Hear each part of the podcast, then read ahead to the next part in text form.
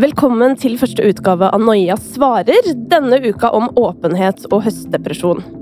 Det er viktig for meg å si at dette på ingen måte er terapi, men en måte å kunne dele enda mer kunnskap og erfaringer rundt ukas tema på.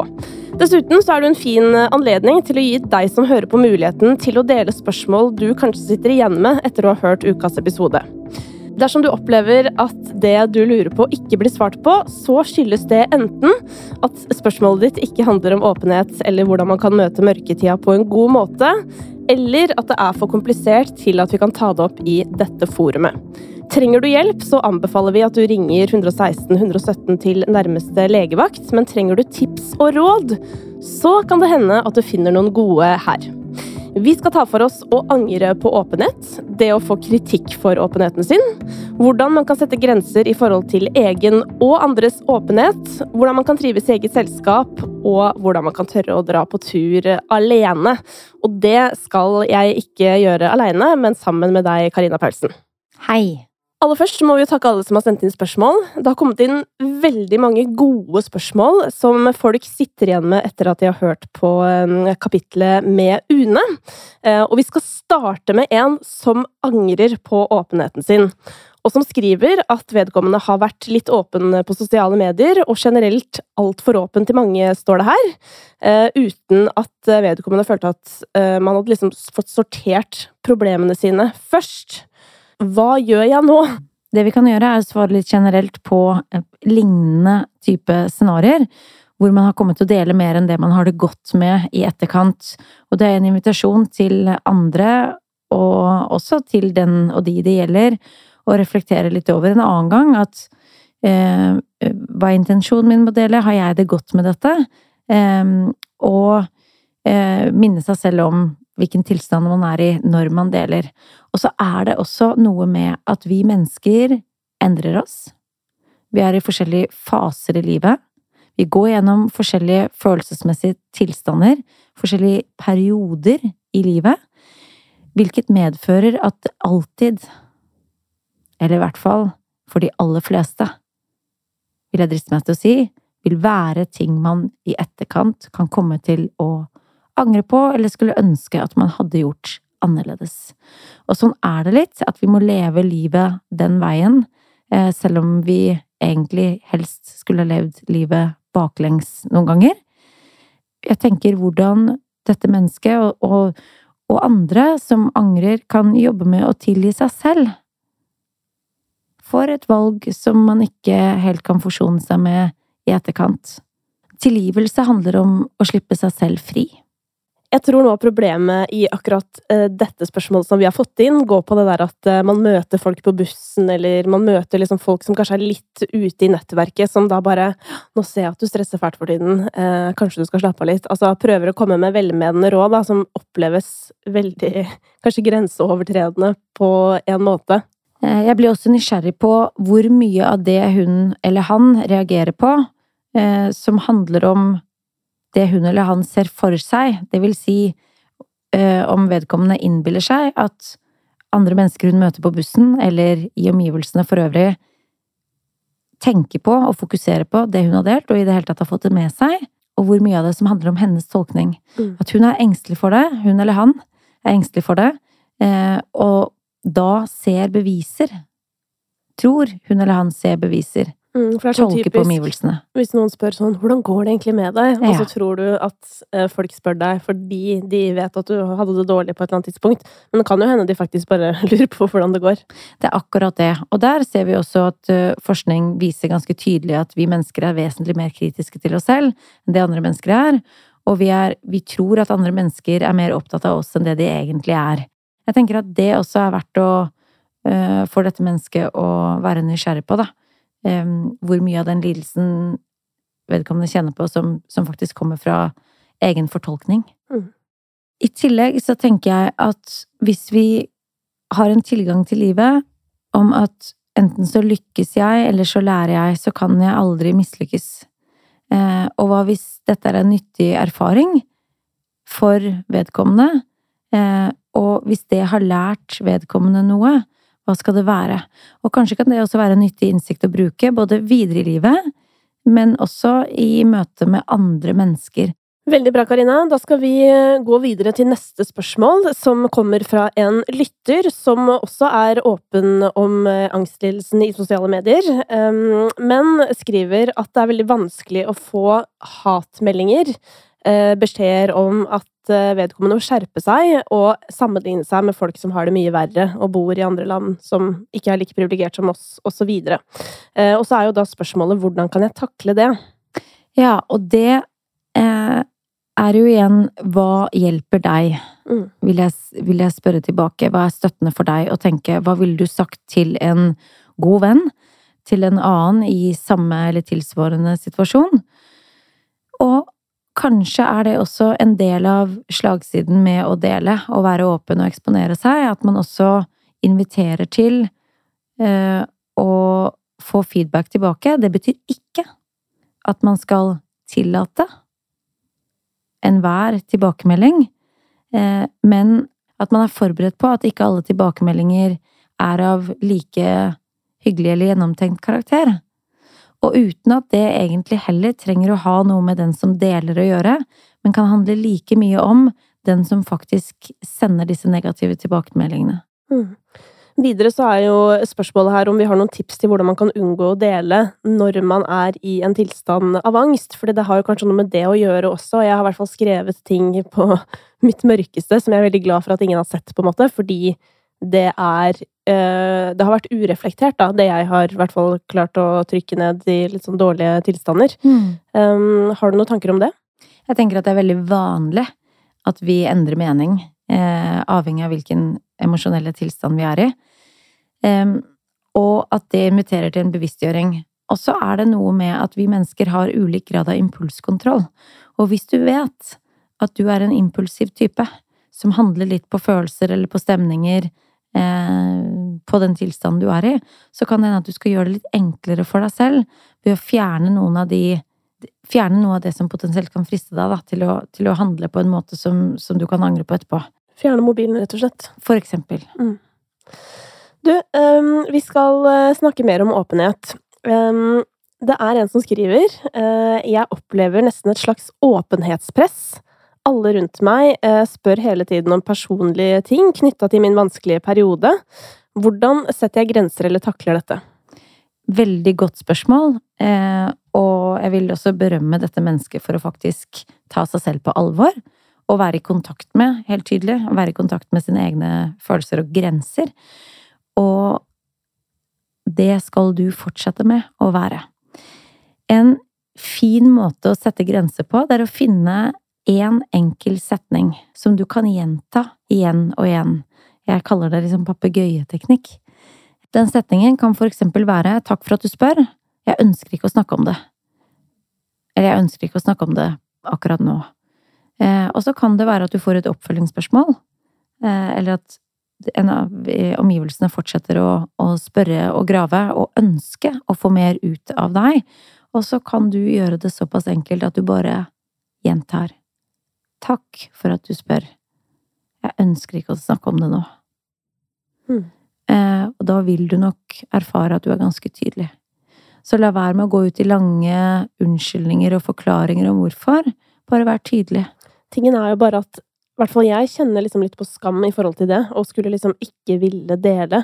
Eh, og noen ganger når på en måte tilstanden har vært på det verste, så har jeg jo bevisst unngått egentlig mennesker som er skikkelig gode, men fordi jeg vet at de kommer til å spørre hvordan jeg har det. Eh, og det ligger jo noe skam i det også. Ja, og så tenker jeg kanskje man kan snakke om det. For jeg tenker at det er utbredt, et utbredt fenomen. Eh, og, og hva hvis vi kan snakke om at jeg har det sånn at jeg vil veldig gjerne se deg og snakke med deg og møte deg. Jeg vil kjempegjerne egentlig dele, men jeg kjenner at jeg er ikke på et godt sted for det akkurat nå. Og si at tusen takk, og jeg vil ønske at jeg kunne åpne meg og dele, men det, det er for tungt for meg, eller det er for smertefullt for meg, eller det setter for mye i gang i meg akkurat nå. Mm. Og gode venner, gode relasjoner, respekterer og forstår det. Vi skal fortsette med litt grenser eh, rundt åpenhet, men vi skal snu det lite grann, for nå skal vi til en som har hatt utfordringer med egen mental helse, men som har blitt bedre. Eh, vedkommende syns det er veldig fint at andre mennesker eh, kommer og åpner seg og deler til eh, denne personen, da.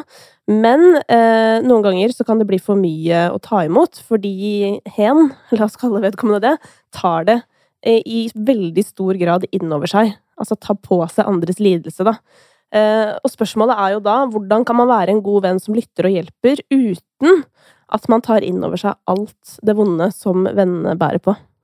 Vi mennesker er forskjellige eh, i hvordan vi håndterer å få impulser fra andre mennesker.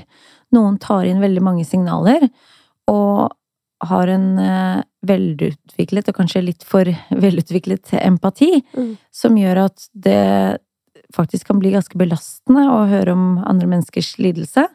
At man nærmest kjenner det på egen kropp. Og da tenker jeg at det i seg selv, at du altså kjære lytter, har den innsikten, det er jo veldig positivt. Så kan du være nysgjerrig på hva som hjelper deg, hvordan du kan ivareta deg selv. Det kan hende at du skal være oppmerksom på å sette grenser, ha egen tid. Er det noe du gjør for deg selv som gjør at du kan hente deg inn, eh, samle overskudd og energi, og kanskje kan du også fortelle om det, sette ord på det til nære venner, så dere sammen kan finne en måte å danse på. Mm. Gode venner igjen vil forstå og respektere, eh, og det innebærer ikke at du ikke vil ta inn eller lytte eller være til stede for, men du kan tillate deg å være til stede på dine premisser. Og det er jo også, tenker jeg, ønsket av gode venner, at du har det godt. Mm.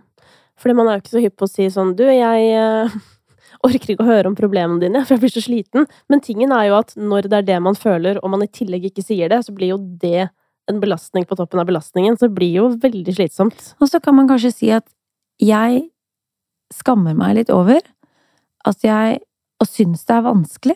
Hvis det er det man opplever, da. Man mm. trenger ikke å bruke ordet skam hvis man ikke kjenner på det. Men jeg får dårlig samvittighet eller kjenner på skyldfølelse over at jeg ikke kan være til stede for deg på den måten jeg ville ønske. Det er i hvert fall min opplevelse. Men jeg øver meg i å sette grenser, fordi jeg merker at det går veldig inn på meg, spesielt når jeg ikke har overskudd. Og akkurat nå så kjenner jeg på det, at det blir litt mye. Eh, jeg kjenner at den dårlige samvittigheten, eller skyldfølelsen, eller hva nå enn reaksjonen og signalet er, og be om å få lov til å, å øve seg på å sette den grensen. Mm. Og si og understreke at jeg vil kjempegjerne være til hjelp og støtte, men akkurat nå kjenner jeg så veldig tydelige signaler på at overskuddet er ikke der. Da skal vi bevege oss over på et annet tema fra ukas episode, nemlig mørketida og det å kunne slite med liksom depresjonsfølelser i den tiden. Um, her er det en som skriver Jeg lurer på hvordan man kan snu trenden uh, om å bli deprimert på høsten. Jeg har to ganger blitt rammet av angst og depresjon på høsten, og er redd for at dette skal bli en årlig tradisjon. Er det noen forhåndsregler man kan ta til bruk før høsten kommer? Det at du blir redd, er en beskyttelse. Frykt beskytter deg. Uh, og det som er fint ved det, er jo at du nå er oppmerksom og vil kunne gjøre noen konstruktive tiltak. Én ting er at ja, i kraft av at du har tidligere erfaringer, eh, så vil du kanskje også ha etablert noen minner som kan trigges litt av mørketiden, og det, det er smertefullt. Det kan være smertefullt og ubehagelig, men samtidig så, så er også kommende mørketid en anledning til å få noen nye erfaringer. Og så blir jeg nysgjerrig på hvordan depresjonen kommer til uttrykk hos deg. Ser du det helt spesifikt, for eksempel i måten du lever livet ditt på? Går aktivitetsnivået ditt ned? Slutter du å gjøre de tingene som gir mening for deg, som gir deg glede? Eh, hvordan kan man merke og se, og hvordan erfarer du din egen depresjon? Eller er det kanskje mer i følelser og tanker, uten at det nødvendigvis synes på aktivitetskalenderen eller måten du lever på? Det som kan hjelpe, er å definere først hvordan kommer depresjonen til uttrykk hos meg, hva er mine signaler? Um, og hvis det er først og fremst på atferdsplan, altså det vil si at, at aktivitetsnivået går ned, du begynner å isolere deg eller eh, har vanskelig for å få ting gjort, så tenker jeg at det er der du skal begynne. Eh, og tenke over hva er det som betyr mest for meg, hva gir energi, hva vil være et suksesskriterium? Og eh, sette forventningene ned, men å forsøke å opprettholde en hverdagsstruktur og fokusere på å få inn mer av det som betyr aller mest for deg i hverdagen. Ta vare på deg selv, møte deg selv med omsorg og godhet, og gjøre mer av det som gir deg påfyll, energi og glede. Hvis du først og fremst merker depresjonen som negative tanker, som vanskelige følelser, som håpløshet, nedstemthet, tristhet, kan det være hjelpsomt å legge merke til negative automatiske tanker, og prøve å erstatte de med tanker som hjelper deg eller støtter deg å tenke på. Alternative tanker. Det kan være tanker som hva ville jeg sagt til en, en nær og god venn i samme situasjon? Hva trenger jeg nå? Er det noe annet som er bedre for meg å tenke? Hva vil jeg tenke om denne tanken om et halvt år? Eller om fem år? Eller om ti år? Eller hva vil jeg tenke om denne tanken eh, på et annet tidspunkt av året, eksempel gjennom sommerhalvåret, eller når det er lysere ute? Eh, sånn at du får et mer kritisk blikk på, på tankene dine. De kommer på automatikk, de kan du ikke styre men du kan styre måten du møter dem på. Det kan være ganske avgjørende for hva som foregår i følelsesregisteret ditt, og da også påvirke måten du handler og lever på. Og så er jeg veldig opptatt av selvomsorg. Så måten du møter deg selv, måten du behandler deg selv, og i møte med mørketiden nå, så er dette en invitasjon til å behandle deg selv med omsorg og respekt. Det som kan være en utfordring, da, Karina, eh, det er jo at eh, når jeg tenker selvomsorg, så går jeg veldig fort til å slappe av, for mm. eksempel eh, i sofaen med potetgull og smågodt, gjerne alene fordi jeg liker jo å være alene. Men da på en måte setter jo jeg meg ikke selv akkurat opp for å lykkes i mørketiden, og jeg tipper at det er ganske mange som forbinder det samme som meg med selvomsorg, men hvordan kan vi på en måte vri den eh, tanken litt, sånn at selvomsorgen kan bli litt bedre for oss? Det kom som bestilt, Kristine. Ja. Um, og der tenker jeg det er opp til den enkelte å legge merke til og tenke hva man blir tilbøyelig for, fordi veldig mange eh, kan jo da eh, kanskje gå inn i destruktive mønstre som å synes synd på seg selv og, og bli på sofaen, og så hjelper ikke det, og så blir det en ond spiral som det er vanskelig å komme seg ut av. Eh, og så er jeg veldig fan av å tenke at du er aldri mer enn et godt valg unna. Så hvis du har blitt liggende på sofaen noen dager, så er det fortsatt bare et enkelt valg unna å bryte det mønsteret. Og det kan være helt de små tingene, å spørre deg selv hva, hva kan jeg nå, hvis du ligger på sofaen eh, allerede og syns det er vanskelig å komme deg opp eller ut. Klarer du å reise deg opp av sofaen og så legge deg ned igjen, for eksempel? Er det andre ting du klarer som, som er overkommelig for deg akkurat nå. Det kan være helt de små handlingene som, som får hele mønsteret til å gå i en annen retning. Det kan være de helt minste justeringene, handlingene, som gjør at du bryter og får noen andre erfaringer. Og som igjen da øker energien, mestringstro, osv. Gjør deg opp en tanke om hva selvomsorg er for deg. Hva vil det si? Hva gjør du når du tar vare på deg selv? Hva er å behandle deg selv med respekt? Og hva er den gode balansen du trenger mellom hvile og aktivitet, for eksempel? Eh, vi trenger bevegelse. Det blir det ofte mindre av gjennom et vinterhalvår, mørketid. Det er litt tyngre å komme seg ut, det krever litt mer, og dermed mister vi mange av de gode endorfinene, tilgang på frisk luft, bevegelse. Mye av det som virker positivt inn på vår psykiske helse. Og det er ikke sikkert at du for eksempel trenger å gå så innmari langt, men klarer du å gå ut døren og gå inn igjen? Kanskje er det det som skal til for å bare ha fått én liten erfaring med å bryte. Sett terskelen lavere, gjør det enkelt for deg selv å lykkes. Og del gjerne et prosjekt eller et mål eller en utfordring opp i mindre og overkommelige deler. Så hvis ambisjonen din er å bryte en spiral med å legge deg på sofaen etter jobb, hva er den minste justeringen du kan gjøre? Hvor kan du starte? Kan det være å reise deg litt oftere fra sofaen og legge deg ned igjen den første ettermiddagen og kvelden, for eksempel? Kan det være dag to og ta på deg yttertøyet og ta det av igjen. Kan det være. Altså, vi kan snakke helt sånn marginale endringer Mm. eh, som nettopp bidrar til å få en erfaring med å kunne snu. Og kunne skape endring. Det er mange som eh, føler seg veldig alene, eh, og vi har dessverre fått inn en del spørsmål fra folk som sliter med ensomhet. Det står for eksempel her at depresjonen forsterker ofte ensomheten, så hvordan kan man da takle denne høstdepresjonen når man i tillegg føler seg veldig aleine? Vi må skille mellom det å være alene og det å føle seg ensom. Ensomhet refererer først og fremst til en subjektiv opplevelse. Og vi kan oppleve ensomhet, altså når jeg sier vi, så mener jeg vi mennesker. Mm.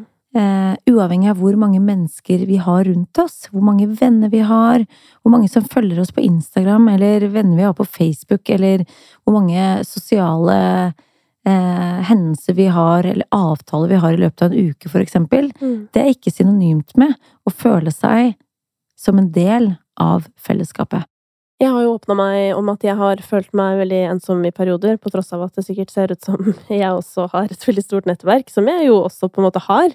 Eh, Men idet du sier det, så blir det med en gang ganske tydelig at det kanskje ikke er sannheten, det du tenker. Mm. Det kan hende at eh, du ikke er så ensom som du tror, men igjen, da, ved å holde det inni seg, og ved å ikke tørre å vise den siden som jo er ganske sårbar, så er det heller ingen som kan fortelle deg at de er der for deg, for de vet jo ikke at du trenger det.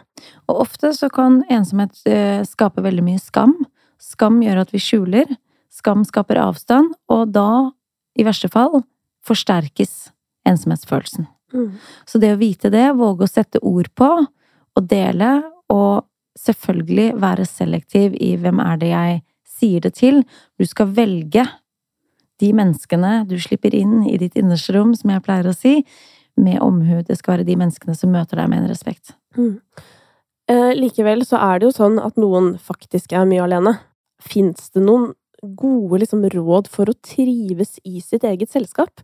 Noen opplever at aktiviteter, da, selv hverdagslige aktiviteter som å spise eller å eh, lese avis eller eh, se på nyhetene på TV eller hva det enn er man gjør, får en økt verdi i kraft av at det er andre mennesker til stede. Og i det øyeblikket man er alene, så gir ingenting mening, på en eller annen måte. Og der er vi mennesker også forskjellige. Noen mennesker er av en mer ekstrovert natur og, og nærer av å ha relasjoner eller mennesker rundt seg. Andre mennesker er av en mer introvert natur og trives kanskje bedre alene. Og trenger den egentiden. Så jeg tenker at en del av det bildet også handler om å være tro mot seg selv og sin natur. Og ta hensyn til det. Det betyr ikke at man som ekstrovert ikke skal ha noe alenetid, men kanskje øve seg, da. Og hva er det man har lyst til å kunne nyte eller gjøre, kose seg med alene, og hva vil være første steget på den veien? Hvis man skal være alene hjemme, for eksempel, hvordan gjøre det hyggelig rundt deg? Hvis du er et menneske som opplever at det blir, selv de hverdagslige, mest hverdagslige aktivitetene blir meningsløse, i fravær av andre mennesker, så kan det hende at eh, det å lage ordentlig god mat bare til seg selv, eller gjøre det hyggelig rundt seg, tenne stearinlys, kjøpe friske blomster til seg selv, eller sette på litt deilig musikk, eller gjøre de tingene du kanskje ville gjort hvis du hadde hatt gjester, eller hvis det hadde vært andre mennesker til stede, og se hva gir det? Hva forteller du deg selv da? Kan noe annet skapes da? For kanskje oppleves det meningsløst i kraft av at du behandler deg selv, eller gjør noen ting annerledes når du er alene, kontra når du er sammen med andre. Mm. Jeg vil òg bare tipse om at altså sånn, det å høre på podkast, som vi sitter her og lager, det har for meg blitt en sånn aktivitet som er min aktivitet.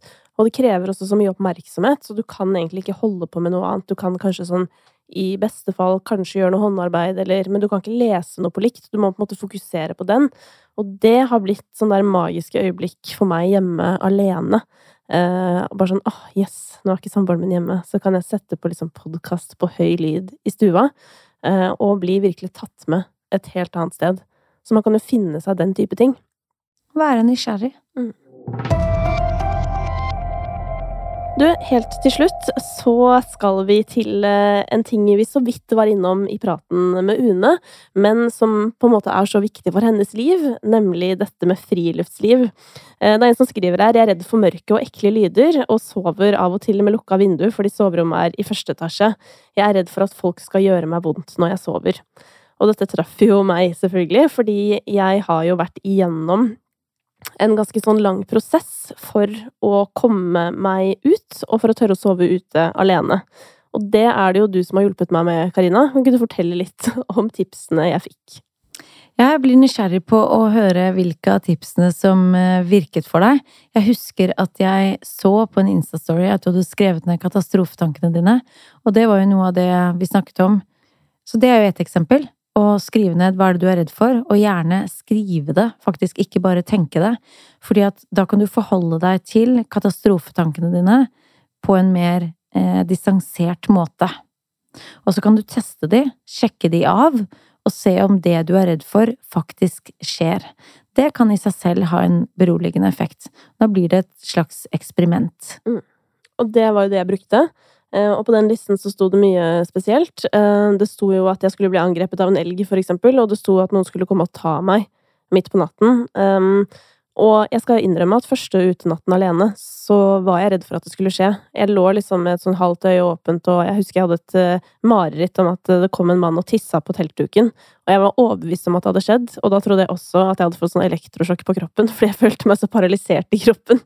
Som selvfølgelig var fordi Eh, jeg på en måte var midt imellom drøm og våken, ikke sant, så jeg var jo helt slapp i kroppen.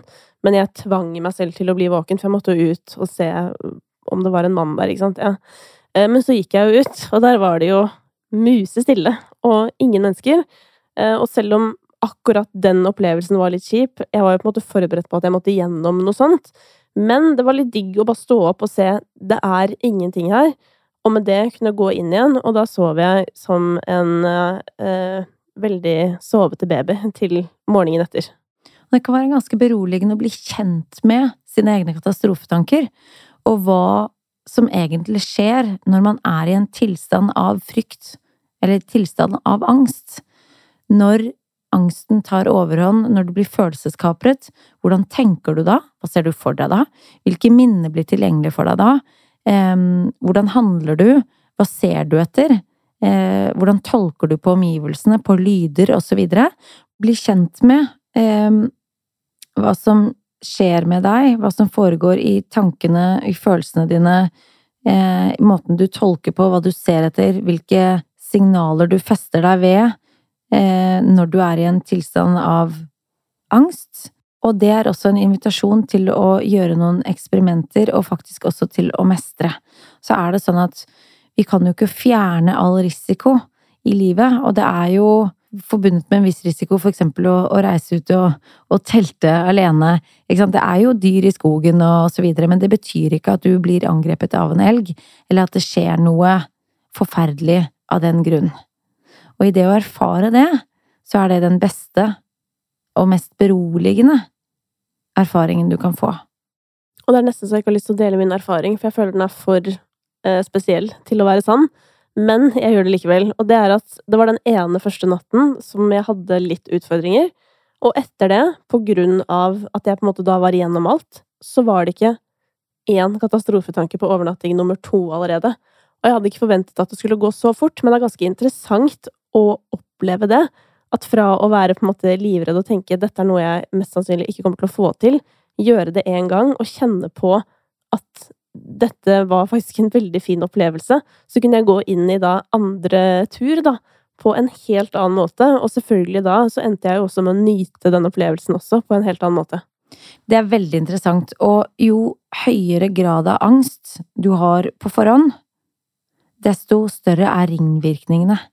Så hvis du opplever å nærmest eh, gå i panikk over tanken på et eksperiment du ser for deg og at kan være nyttig for deg å gjøre, så kan du også se for deg hvilken effekt det potensielt vil ha, i positiv forstand, og faktisk teste det ut.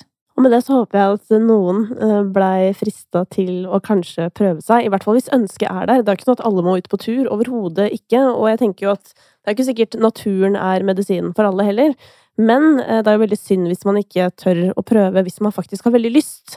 Så det håper jeg jo at eh, folk tør.